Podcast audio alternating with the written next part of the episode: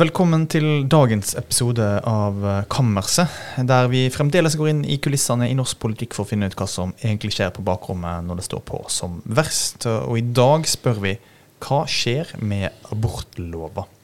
Og som alltid har vi med oss eh, politisk redaktør Berit Aalborg, nyhetsredaktør Lars Inge Staveland og meg sjøl, kommentator Emil Erstad. I dag har vi òg fått eh, selskap av sjølveste sjefredaktør Bjørn Bore. Velkommen. Takk. Vi skal først inn på forværelse før vi går inn på kammerset. Og, og da spør vi hva er det som har gjort inntrykk den siste eller de siste vekene. Nå har det vært noen uker siden det forrige episode. Eh, det har vært julestri med sykdom og annet. Eh, hva er det som har gjort inntrykk, eh, Berit? Nei, altså Det er mye som har gjort inntrykk de siste dagene, og sånn, men jeg syns jo det er veldig spesielt. da Det har gjort inntrykk på en negativ måte, dette utspillet til Durek Verrett. Verrett, sier navnet gærent. Altså at han mener at, at, små barn som er i trassalderen, har på en måte en entity, eller noen ville kalle det en demon, eller noe vondt som skal ut, som skal forlate barnet.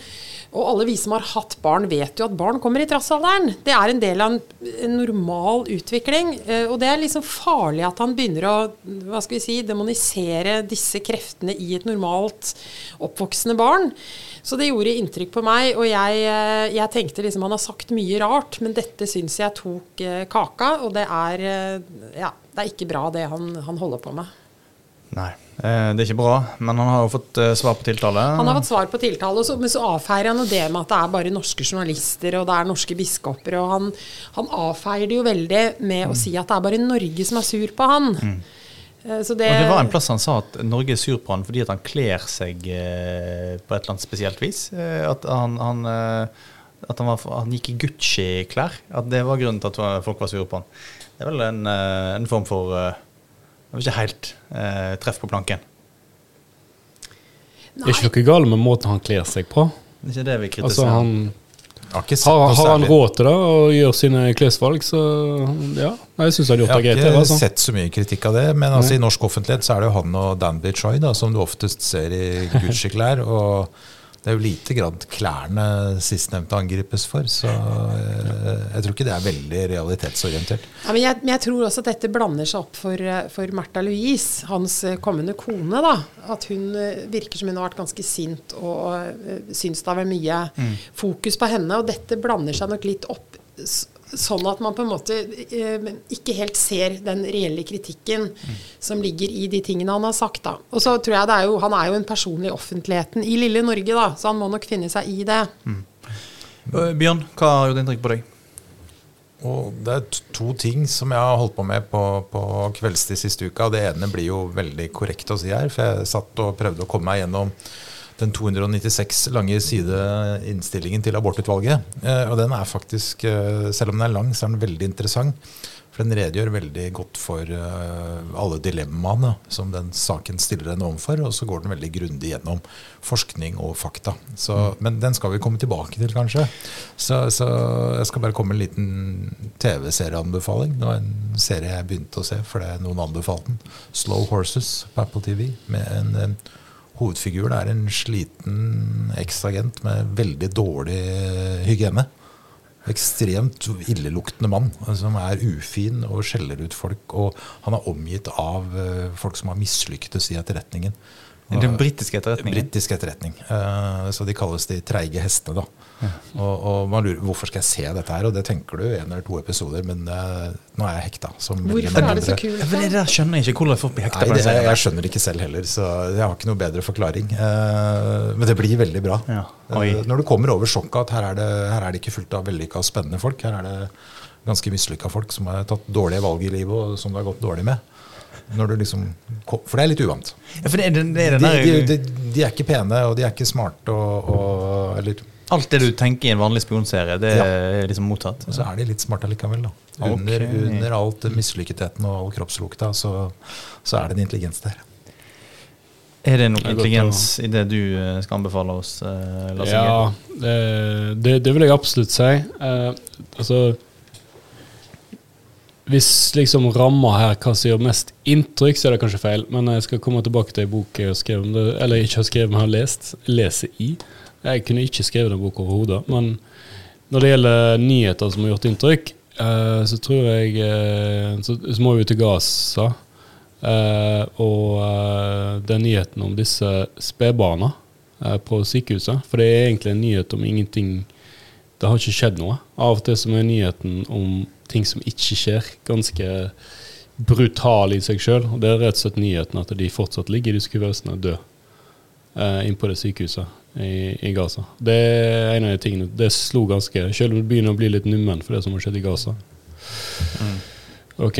Uh, vi, vi, skal uh, til, til uh, lytterne våre så kan vi også si at vi har egne episoder om krigen i Midtøsten, som kommer litt sånn jevnt og trutt. Eivind skal spille inn senere i dag, blant annet. Mm. men ja, disse nyhetene gjør jo dypt inntrykk på oss og folk der ute. Ja, Det var jo disse gislene nå som ble skutt. Mm. Altså tre israelere i, i med hvite flagg som blir skutt ned av, mm. av soldater i en stridssituasjon. Og jeg tenker, når de, hva er det noen sa? Når, når, når soldatene skyter eh, folk med hvitt flagg som roper på hebraisk, så, så, kan du tenke deg hvordan det foregår. Mm.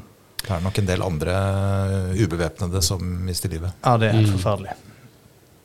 Ja. Den boka jeg skulle egentlig anbefale, var jo eh, Folk har snakka om den lenge, men eh, Oliver Lovrenskij, eh, sønnen til Håvard M., Eh, har skrevet en bok på gatespråk eh, om hvordan det er å være eh, Ha en litt sånn trøblete ungdom i Oslo med masse dop og klammeri med politiet. Men hun gjør det på en så åpenbart veldig smart måte. Jeg har aldri lest noe lignende eh, før noen gang. Så det er en, en, en god anbefaling. Det er full av sånne eh, kulturelle referanser.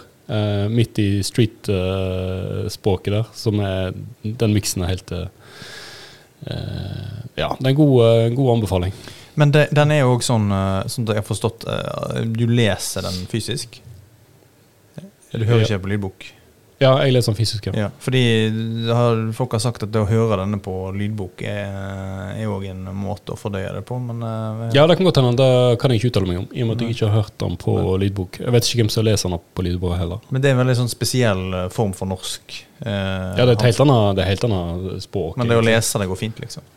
Ja, det tar litt tid å komme inn i, mm. og sånn. Og så uh, klarer ikke jeg å liksom å gjenskape språket i mitt hode eh, på en eh, representativ måte. Men, eh, du kunne jo tatt litt her men, nå, Lars Inge, for oss. Eh. Ja, nei, det, det skal det være. Jeg har ikke boka med meg. Jeg vil ikke yte den rettferd. Det vil ikke rettferd. Men vi går videre inn på, på kammerset. Um, vi sitter her i et nytt studio, så jeg bare gir en um, Fordi det kan jeg si til lytterne, vi har flytta. Det er noe av, av grunnen til at det uh, har ikke kommet noen episoder på en stund. Um, Eh, eh, og det nye studioet det er litt viktig at eh, vi som sitter her snakker helt inn i mikrofonen. Så det er en, et notat til oss her. Nå går vi inn på kammerset, og det vi lurer på denne uka, er to ting. Det er hva skjer med abortlova? og så lurer vi på hva skjer med statsministerkandidatene i, i norsk politikk. Vi hadde en måling forrige uke om dem, som viser at Erna Solberg er litt mer populær enn Jonas Gahr Støre, men det er mye mer å si om det. Det skal vi komme tilbake til. Men abortlova først. Eh, det har vi òg skrevet om, Lars Inge. Hva er det som skjer nå? Nei, altså Abortutvalget har kommet med sin rapport. Uh, vi har skrevet en del også i forkant om uh, hvor, hvor, spennende og hvor nervepirrende dette dramaet blir, og hvor dette skal avgjøres. og Alt dette her i det blå. Det gjør det jo veldig spennende for oss. Det er jo ikke sånn at uh, vi vet hva regjeringen kommer til å samle seg om her. Uh, og når de samler seg eh, om noe, så skal det til Stortinget, og der er det helt åpent hva flertall som kommer til Hvor flertallet ligger. Egentlig, det er ikke helt åpent, men det er iallfall tett på. Så Sånn sett så inneholder den alle ingrediensene til et, et godt drama. Og så tror jeg vi må innse at dette dramaet kommer til å være Det kommer til, kommer til å ta en stund. De skal, vel, de skal vel jobbe som passe hardt for å få det ferdig i god tid, iallfall, før uh, neste stortingsvalg. Gjennom Stortinget. Fullt og helt. Uh, Og spørsmålet er om alle i regjeringen har interesse av å få det gjennom Stortinget før neste stortingsvalg. Det kan jo òg kanskje stille spørsmål ved. Arbeiderpartiet og Senterpartiet er jo blant de konservative partiene på Stortinget. Eh, Senterpartiet og, og uh, KrF, og så er det den uh, og til dels Frp, stemmer ikke det? Eh, og så er det jo den ekstra twisten med at det er lang tradisjon i Norge for å fristille representantene. I hvert fall på borgerlig side i denne Ja, saken. ja, ikke sant. Eh, så, så det gjør det veldig spennende. Eh, og så er det klart at eh, det, det er vanskelig å se hvordan dette blir. Eh, ja.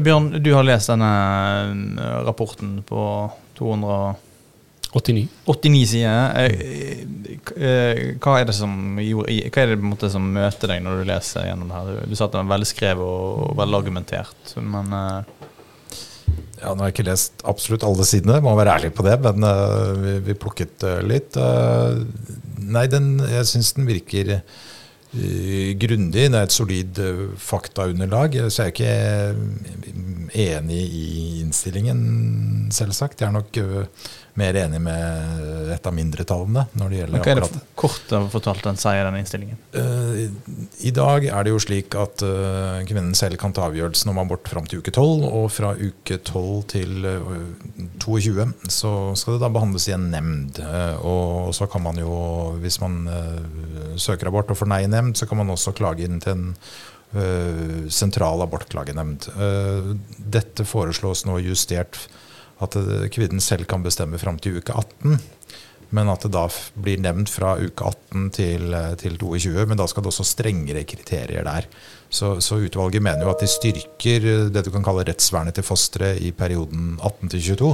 Men det svekkes jo også i perioden 12 til 16.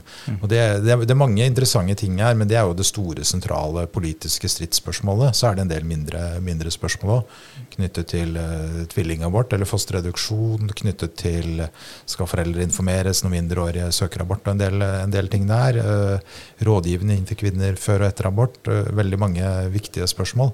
Men dette er det sentrale spørsmålet. Mm. Politisk. Og det er nok det det blir mest, eh, mest strid om.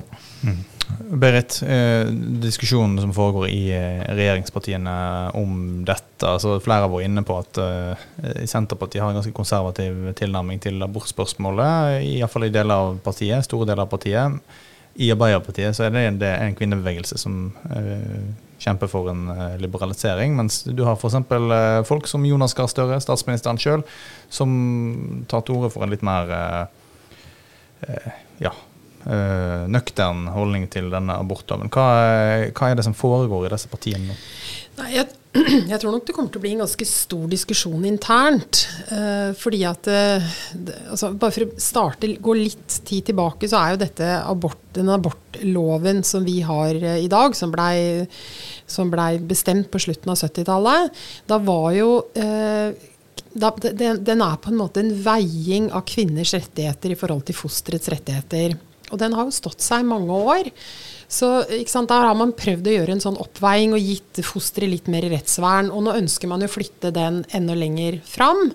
Og så tror nok jeg det er en, eh, det er nok mye som skjer nå fordi at eh, sant, du har jo I USA så er det flere stater der man ikke får lov til å ta abort lenger, så det har gått i andre retninga. Så det er nok også litt en reaksjon på det.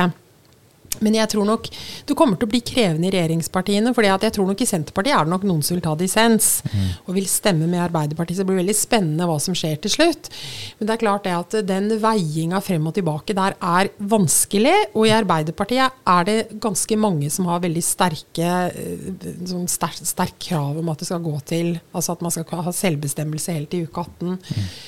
Så jeg, jeg tror det kommer til å bli en krevende prosess. Eh, Senterpartiet har det jo kan, kan man kanskje liksom sammenligne litt med deler av KrF. At man ønsker å gi Man står på dagens abortlov, men man ønsker å gi, liksom, man ønsker å gi fosteret gradert økende rettigheter eh, underveis. Da. Så jeg tror ikke dette blir noe særlig eh, enkelt. Og det er veldig spennende å se hva som skjer. Men jeg har skrevet litt om det som jeg har bare lyst til å si to ord om. fordi um, inn i hele denne debatten så er det jo litt Det er jo sånn at man, i hvert fall kanskje kvinnebevegelsen, har hoppa litt bukk over det som at det er et ganske eksistensielt valg for mange kvinner. Og det er jo når du ser abortdebatten f.eks. på Dagsnytt 18 andre steder, så ser det ut som dette er et helt uproblematisk valg for mange. Og det er ikke bare Jeg hørte hun fra Rødt satt og sa det at ja, man kan ikke ta hensyn til liksom, kristne konservative. Men det er ikke bare de kvinnene som opplever dette problematisk. Det er mange kvinner rundt omkring. Sånn at eh, det er en, Jeg tror det er en debatt som også kommer til å presse seg fram fra andre miljøer. Da. Mm. At man har, og Derfor er det jo faktisk veldig viktig dette med at man vil lovfeste eh, oppfølging man, regjeringsparti, eller, Regjeringspartiene har sagt at, i hvert fall Arbeiderpartiet har sagt at de vil ha en oppfølging i etterkant. Men jeg tror det er vel så viktig i forkant, for mange kvinner føler seg veldig aleine når de står i den vanskelige og eksistensielle eh, ja, mm. situasjonen. Da. Bjørn? Ja, nei, du sa, du sa at Senterpartiet kanskje var mer konservativt her. og jeg tenker det er jo lett å tegne et bilde av at her står det mot uh, Norske kvinner står samlet mot en liten gjeng konservative kristne menn fra Vestlandet som vil beholde disse nemndene. Men det er jo ikke en riktig beskrivelse. For uh, det var en ganske grundig gjennomgang av uh, i utredningen av Statistisk sentralbyrå sin velgerundersøkelse fra valget i 2021. Og altså dagens abortgrense på tolv uker støttes av et flertall av norske kvinner. Altså I motsetning til norske menn? Ja, norske menn, det er faktisk, altså norske menn er jo ønsker en mer liberal grense. Uh, slik har det jo tradisjonelt vært òg, at menn har vært mer liberale i abortpolitikken enn kvinner. Nå har det jevna seg ut, men, men å liksom fremstille å beholde tolvukersgrensen som et veldig sånn ekstremistisk standpunkt som bare noen få kristne har, er jo direkte feil. Mm. For det er det, det er det standpunktet som har størst oppslutning i befolkningen. Og har også et flertall blant kvinner, eller hadde det i 2021. Så, så, det er jo bare greit å ha i bakhodet. Jeg tenker Hvis man skulle liksom stemple et, et, synspunkt som litt ytterliggående, ikke ytterliggående, men som mer konservativt, ville jo være en, en retur til abortloven av, av, 1977 eller 1974. Men å liksom stå og bevare dagens grense, uh, som har stått seg i 45 år, mener jeg er et ganske moderat og ganske utbredt og populært standpunkt. Og så er det også... så, når man liksom prøver å tegne at her står liksom kvinne mot en bitte liten konservativ mannsopposisjon i dette spørsmålet, er rett og slett en uriktig framstilling. og Det er greit å ha i bakhodet. Og så er det litt interessant også fordi at um, USA har jo veldig, har hatt en veldig liberal abortlov som har åpna for abort veldig langt ut i svangerskapet. Og det er jo der den polariseringa har skjedd. I mm. Norge har man ikke hatt den samme polariseringa fordi man har hatt en gradert rettsvern, og fordi det ikke oppleves så dramatisk å ta abort så langt ut i, i svangerskapet. Og vi ser jo også at en del jordmødre eh, reserverer seg fordi det er ekstremt krevende å ta abort på, på, på barn som ja, er født så seint. Det var vel 26, det var vel en undersøkelse i 2021, så var det 26% av Jordmorforbundets medlemmer ønsket å reservere seg hvis det kommer liberalisering fram til uke 18.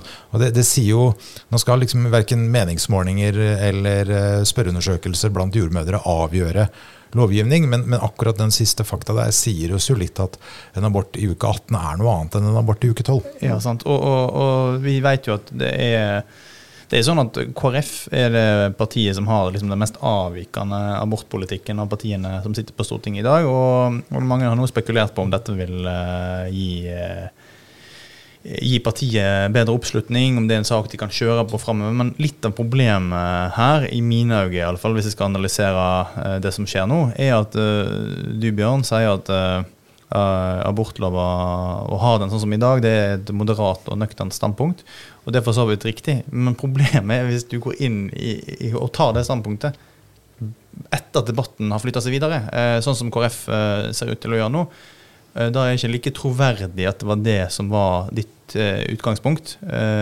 Fordi du var mot du var mot helt fram til debatten flytta seg, eh, og da framstår det som en litt sånn Og da framstår nok Senterpartiet og Høyre, som har dette standpunktet og hatt det lenge, kanskje noe mer troverdig i denne situasjonen? Ja, for de har stått på uke tolv lenge. Ja, skulle, og det er, liksom, det er litt at, at, KrF ikke tok denne muligheten når de fikk den eh, for noen år siden, eh, da den debatten gikk. Olaug Bollestad var ute og sa at nå må vi flytte Jeg, tror KrF står der mange som erklærer seg som abortmotstandere står, når du spør dem egentlig. Mm. For de sier at de er mot abort, men når du virkelig spør ja, hvordan skal dette reguleres mm.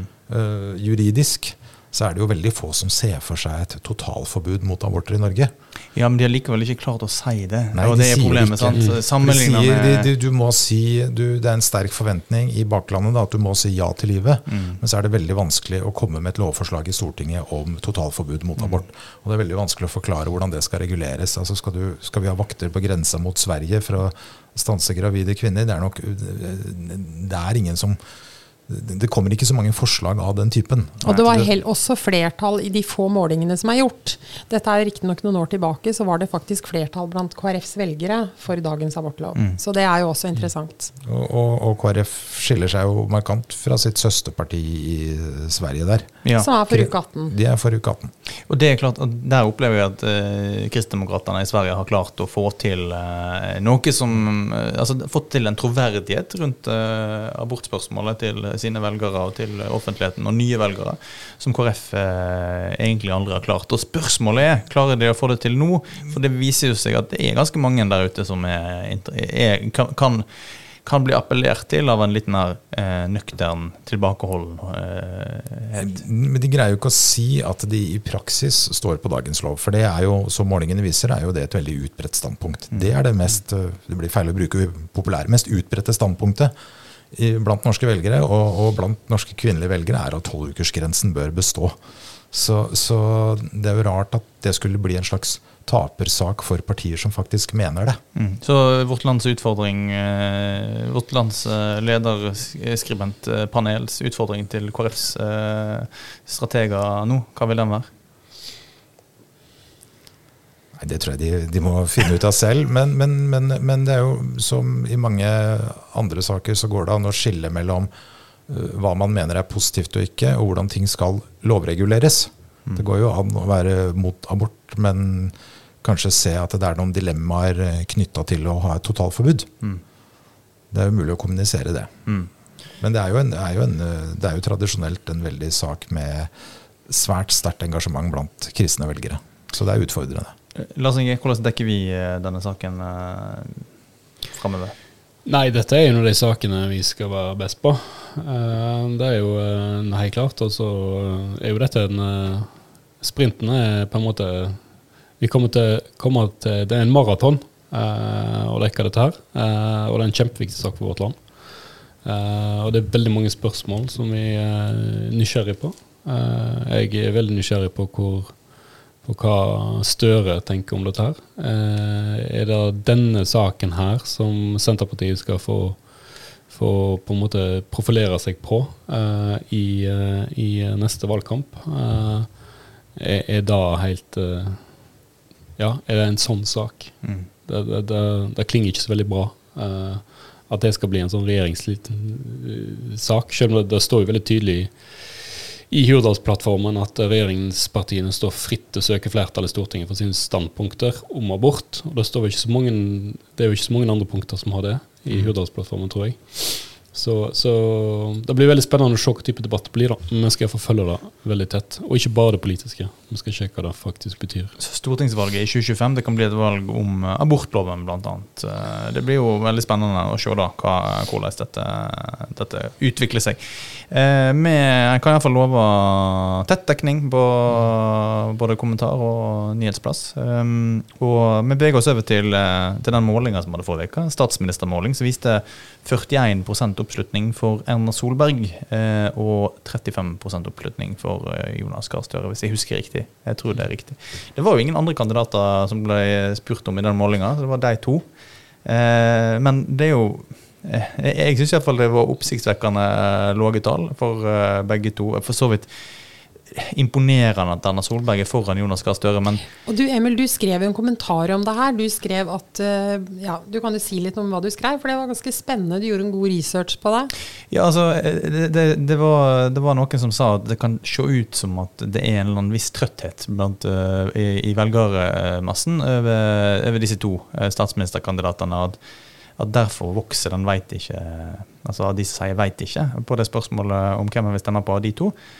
Uh, og at det kan ha noe å gjøre med hvor lenge de har vært med. og de, Disse to figurene som vi snakker om her, Erna Solberg og Jonas Gahr Støre, er jo er jo politiske figurer som har vært med på aller aller øverste nivå i norsk politikk i snart eh, 20 år. Altså i 2025 så er det 20 år. Eh, altså Jonas Gahr Støre var utenriksminister i 2005. Erna Solberg ble vel eh, eh, Høyre-leder i 2005. eh, Eller eh, 2000 og, Nå må dere rette meg, dere som Nei, ikke gikk på ungdomsskolen i 2005. Men eh, i alle fall så eh, eh, har de vært med lenge. Og, og, og de er i ferd med å bli de eldste statsministerkandidatene eh, siden CJ Hambro eh, og Einar Gerhardsen kjempa om statsministervervet i 1957. Ja, altså Oddvar Nordli i makta var vel 54 år. Der Han vi var ser han. en ungfole sammenlignet med det disse, disse vil være i 2025. år. Uten sammenligning for øvrig. Nei, jeg tror vi skal være litt forsiktige med Nei, men sant, Han blir framstilt som veldig gammel og, og, og treig. Og han, og han var noen annen type enn både Solberg og Støre. Eh, men, men det setter ting litt i perspektiv, og det kan forklare noe av det som er, skjer med velgermassen. At eh, hvis Solberg og Støre holder, eh, holder ut som Høyre-leder og Arbeiderpartileder fram til 2025, så er det ikke sikkert at velgerne vil foretrekke en av dem som statsminister. Og, og noe av grunnen til det er jo at de, de har opparbeida seg en del skandaler. en del som Støre har måttet håndtere negativ sak på negativ sak, og det fester seg liksom i et, i et sånn etterlatt inntrykk av hvem disse politikerne er, som det er veldig vanskelig å gjøre noe med i fortsettelsen. At det blir sittende lenger, er ikke med på, på en måte å gjøre deg nødvendigvis mer populær blant velgerne. Så. Men så er det jo krevende for noen av de små. Hvis vi skal se på akkurat nå, da, Mm. så har det jo vært eh, flere eh, næringslivsledere har vært ute og sagt at Venstres Guri Melby Mm. er en fin statsministerkandidat. Per nå så har hun altså eh, jeg vet ikke, rundt 6 eh, og det er veldig lite. Mm. Vi har jo hatt noen som har sammenligna henne med Bondevik i sin tid, at han ble statsminister. Han hadde ikke så mye før eh, 1997-valget henne heller. Det begynte vel først Nei da, våren absolutt. 1997. Så, så det var jo oppi 12-13% på det meste KrF hadde. Så du kan si på en måte er det jo en slags sammenligning, men samtidig var det en veldig veldig spesiell situasjon. Da. Jeg skal ikke dra hele den greia med 36,7 og Torbjørn Nagland, men, men det var en spesiell 6, situasjon. Se- 36, ja. Um, men, men, men det er veldig krevende å sitte som statsminister når du har La oss si de greier å få 10 da. Det er veldig, Og du må samle veldig mye. Og, så jeg ser syns det ser veldig krevende ut. Men Kirsti Bergstø er og Kirsti Bergstø har nå eh, ja, rundt 12% på vår siste måling, så det er jo selvfølgelig en mulighet. Men det er også et relativt lavt tall. Sånn at um, Og hun, altså, hun er jo også et slags fløyparti, da, som eventuelt altså Hvem er det vi ser for oss skal støtte henne? Er det liksom Senterpartiet? Senterpartiet og SV har jo ikke vært spesielt gode venner. Eh, Så, så det, er, det, er, det er en krevende situasjon som kanskje vi også bør tenke liksom Kan det bli noen skifter i de store partiene? Det er mer, Og- mer sannsynlig. det-. Det, er kanskje mer sannsynlig, og der har du jo folk som i Arbeiderpartiet som Tonje Brenna, og du har Henrik Asheim, eh, eller eh, det er jo flere andre, Ine Marie Eriksen Søreide. Det er flere personer som, som liksom kan ta over og vokse seg inn i den rollen, da. Så det var vel mange som var veldig overraska over at Erna sa hun blei sittende som kandidat, men man vet jo aldri helt hva som Ja. skjer hvis ting snur. Jeg, jeg, tror, jeg tror den der eh, Jeg er ikke så veldig overraska at eh, Erna gjør det så bra på målingen, for hun gjør det jo bra, tross alt. Altså, det som jeg er mer nysgjerrig på, er jo klare altså den der, eh, Hvis det blir en velgerutveksling i favør Frp, hvis Frp begynner å ta velgere fra, fra Høyre, så kan det skje ting på borgerlig side. Eh, men det har jo foreløpig ikke, ikke, ikke sett. Det er jo ikke så fryktelig lenge siden det var Siv Jens og Jensen ble, eh, var liksom det kommentatorene snakket om. Eh, og Erna Solberg det, er jo, det er jo fryktelig lenge siden, men, men vi, Det har skjedd. det har skjedd. 2009-valget. 2000 og, nei, det var senere det var 2010, det var lenger oppi der. Ja. før Erna Solberg fikk den, fikk den på en måte statsminister hva skal jeg si, auraen og myndigheten som hun har hatt etterpå. Eh, så det er klart at det, hvis, eh, hvis det skjer ting i velgermassene som gjør at eh, massiv velgerflytting fra FRP, nei, fra Høyre til Frp f.eks., eh, så kan, eh, kan ting skje på den sida. Jeg tror det er viktigere egentlig at eh, eh, enn at eh, hvis Stoltenberg Nei, hvis Støre skulle plutselig begynne å gjøre det bra igjen. Eh, for den dynamikken er eh, det, Ja.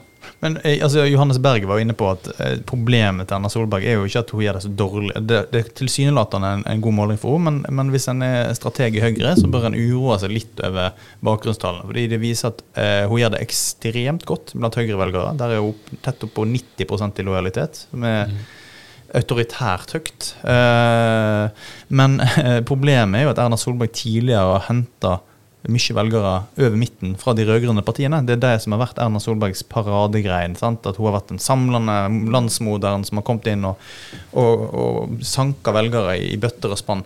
Og den effekten ser ut til å ha forsvunnet med Sindre Finnes eh, gate. At, at, hun polariserer i større grad og er ikke lenger den samlende figuren. Bjørn? Ja, jeg, det er ikke sikkert det skyldes skandalene, for vi ser jo vi snakker her om kandidatenes egnethet, at de begge sliter og de er gamle og vi har sett dem lenge osv. Men eh, Støre straffes jo også. At eh, renta er høy og strømprisen er høy og det er regjeringen upopulær. Da ville jo normalt opposisjonslederen bli mer populær. Men der syns jeg egentlig Høyre kommuniserer ganske redelig og tydelig. De sier eh, strømprisen hadde vært høy også om vi hadde sittet ved makta. Og de sier heller ikke at renta hadde vært så mye lavere hvis vi hadde sittet med makta. Så da får du jo ikke det opposisjonstillegget du vil få i, i, i, i slike tider normalt, når mm. regjeringen straffes for at det er dyrt. Og Derfor så tror jeg de store styringspartiene vil slite i åra framover. For det overordna så har vi jo hatt fra liksom 2000 utover så hadde vi en vanvittig forbruksfest. Eh, oljepengene rant inn, og vi kunne kjøpe det vi ville av varer og arbeidskraft billig i utlandet. Og Det renner jo fortsatt inn oljepenger, men nå får vi ikke tak i billig arbeidskraft og billige varer i utlandet. Så da blir alt kjempedyrt, fordi vi har så utrolig mye oljepenger. Så for, Det blir ikke dobbelt så mange harde pakker under juletreet hvert eneste år lenger. Den forbruksfesten er over, og da vil tradisjonelle sånn styringspartier, kandidater, slite. For det, de må fortelle folk at det er vondt og vanskelig. Det er ikke noe snarvei.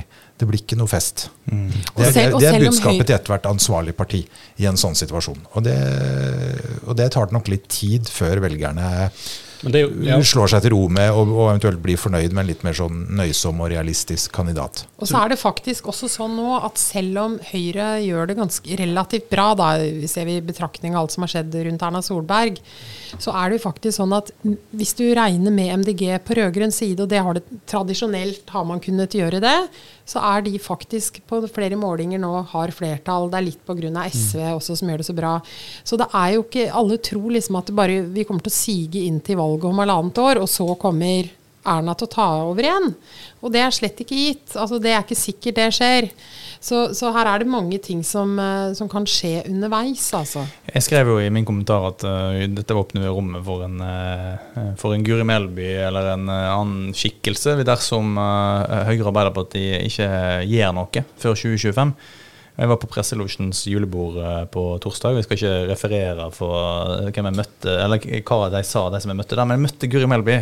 Hun var ikke hun var ikke misfornøyd. Eh, det er klart at for Venstre å ha liksom en person som snakkes om som en statsministerkandidat når du er et 6 %-parti, mm. det er jo gull! Mm. Så hun var sikkert veldig fornøyd med kommentaren din. Men, men altså uh, Sorry, altså, men Gurus Melby kommer ikke til å bli statsminister. Jeg tror jeg skal vente ganske mye på. Altså. Er, du, hvis du er et solid parti uh, og skal ha statsministerkandidaten, så må det være en annen grunn til det. Da er at du er den solid mest samlende personen på den blokka du representerer. Og det var Bondevik, i tillegg til at, eh, at eh, det var jo eh, det var vel ikke så mange som så for seg Jørn Pettersen som statsminister på det tidspunktet heller. det var mange ting som, som Men Guri Melby, for veldig mange på borgerlig side, så er jo hun ganske radikal. Hun er ikke noen samlende person. Hun er jo en person som ønsker å, et annet borgerlig mer enn en ser for seg liksom den grønne Høyre. Frp, nei, sorry, Venstre og MDG, den blokken der. Og det er ikke noe samlende. Frp vil jo ikke gå inn i en sånn Nei, men, nei, ikke sant, og da, og da forsvinner den samlinga. Da, da, vil Frp få et veldig stort rom da, på høyresida. Men eh, det åpner fortsatt rommet for Guri Melby til å fiske i vannet av misfornøyde eller desillusjonerte høyrevelgere. Det kan nok gi Venstre en boost. Det, det kan, kan det gi Venstre en ja, boost. Ja, ja, men, men, spørsmålet til våre lyttere som med, med betting eh, eh, vilje. Hvor mye vedder du, Lars Inge, på at uh, Guri Melby ikke du, hvor, hvor, sikker er du i din sak? Uh, nei, jeg er ganske sikker på i min sak på, på at uh, Guri Melby ikke blir statsminister. Uh, så jeg er litt usikker på hva han vedder med i vårt land. Jeg har ikke jobba så lenge, uh, Bjørn. Ja, forsiktig nå. Ja, ja, ja, Nei, jeg vil si at det er, det er, det er like det er, altså, Melby som statsminister, det er vel nesten like utenkelig som at vi skulle hatt en statsminister som var inhabil gjennom flere år fordi ektemannen satt hjemme og handla aksjer hele veien. Altså, det er helt, det er en, og, og, velgerne ville bare tenke at ja, men det var greit. Så det, det er helt utenkelig for meg at det skulle skje. Så, så jeg tror heller ikke dette vil skje. Eh, Vi snakker om det veddemålet etterpå. Men vi er jo over i profetiene eh, i slutten av episodene, og, og da vil jeg jo utfordre eh, gjengen rundt bordet til å til å komme med sin spådom eh, eller profeti av, eh, av hvordan Hvem er statsministerkandidater i 2025? Vi kan bare ta en runde rundt bordet. Hva heter de? Jeg kan godt eh, jeg kan starte. Altså, nei, jeg kommer med det kjedelige svar. Jeg tror det er, jeg tror det er Erna Solberg, og så tror jeg det er Jonas Gahr Støre. Enig. Jeg er enig, og jeg, jeg er helt enig i det. Men, men skulle det mot formodning være noen andre, så tror jeg det er Ine Marie Eriksen Søreide og Tonje Brenna. Men jeg tror, det, jeg tror ikke det kommer til å skje ved neste valg. Det tror jeg. Greit. Da eh, jeg, eh, jeg Når jeg leste meg opp på alderen på statsministerkandidatene eh, Før det så har jeg òg tenkt den tanken som Berit tenker nå. Etter å ha lest, opp, lest den alderen og sett det i et i historisk perspektiv, eh, så tenkte jeg eh, Konklusjonen på det jeg tenkte da, var at vi har ikke Støre og Solberg som statsministerkandidat i 2025. Det, disse partiene vil gjøre en endring eh, før det. Og det, det handler om det vi ser i disse målingene nå, at velgerne begynner å bli lei. Hvem vil de ha, da? Som Berit sier, kronprinsene i, kronprinsessene i sine, i sine partier. Kan jeg bare få skyte inn en, en ting der? Jeg snakka mye rundt i Høyre om hvem de vil ha hvis ikke Solberg. Og det er jo mange som ønsker at hun skal skiftes ut. Langt inn i de kretsene som, ingen, som ikke tør å stå offentlig frem. Sånn at Ine Marie Eriksen Søreide er ekstremt populær. Og hun er regna som en veldig veldig solid politiker. Så jeg tror nok hvis Erna skulle på et eller annet tidspunkt bestemme seg for å gå av, så tror jeg det blir henne. Men da får vi svar på det i løpet av eh, det neste halvannet året. Du må Eh, huske at, at uh, 60 er det nye 50, vet du. 54 er ungt i våre jeg dager. ikke, jeg sier ikke, at, det- jeg sier ikke at de er gamle, disse. Jeg sier bare at uh, de er yngre enn Joe Biden. i Du sier bare at Guri Melby er ung. Eh, men, eh, men, eh, nå har vi det ikke svart på hvitt, vi har det på tape. Så da får vi se hvem som er Bare tida vil vise. Hvem Ja. som er i duget som politiske analytikere i vårt land her. Det, det blir en, et spennende avgjørelse, iallfall. Uh, vi tar vel en juleferie eh, etter hvert. Det er ikke jul eh, denne uka helt ennå. Eller er det denne uka det er jul? Det er, den, det er slutten av denne uka. Ja. Så vi kommer tilbake på nyåret. På nyåret. Da sier vi takk for i år, og, og håper dere får en fin jul. Og god Eh, jul til alle lyttere, vil jeg også si. God jul. Du vil si god jul, ja? Ja. Hva vil du si, Bjørn? God jul? Ja. God jul. God jul Satt og så i notatene akkurat nå. Beklager det. Falt ut litt der. Han fleska til meg godt nyttår. Det. Eh, ja. Nei, vi sier god jul og godt nyttår. Vi holder stengt mellom god jul og godt nyttår. Eh, ja. Vi gjør det. Vi kommer sterkere tilbake på nyåret. Eh, Ja. Vi er tilbake med en ny episode etterpå, og, altså etter nyttår. Og i mellomtida så får dere lytte til Midtøsten-podkast vi òg har. Eh, skulle det være noe ris, ros, tips eller innspill, så send dere det til kammerset alfakrøllvl.no, så er vi snart tilbake med en ny episode. Música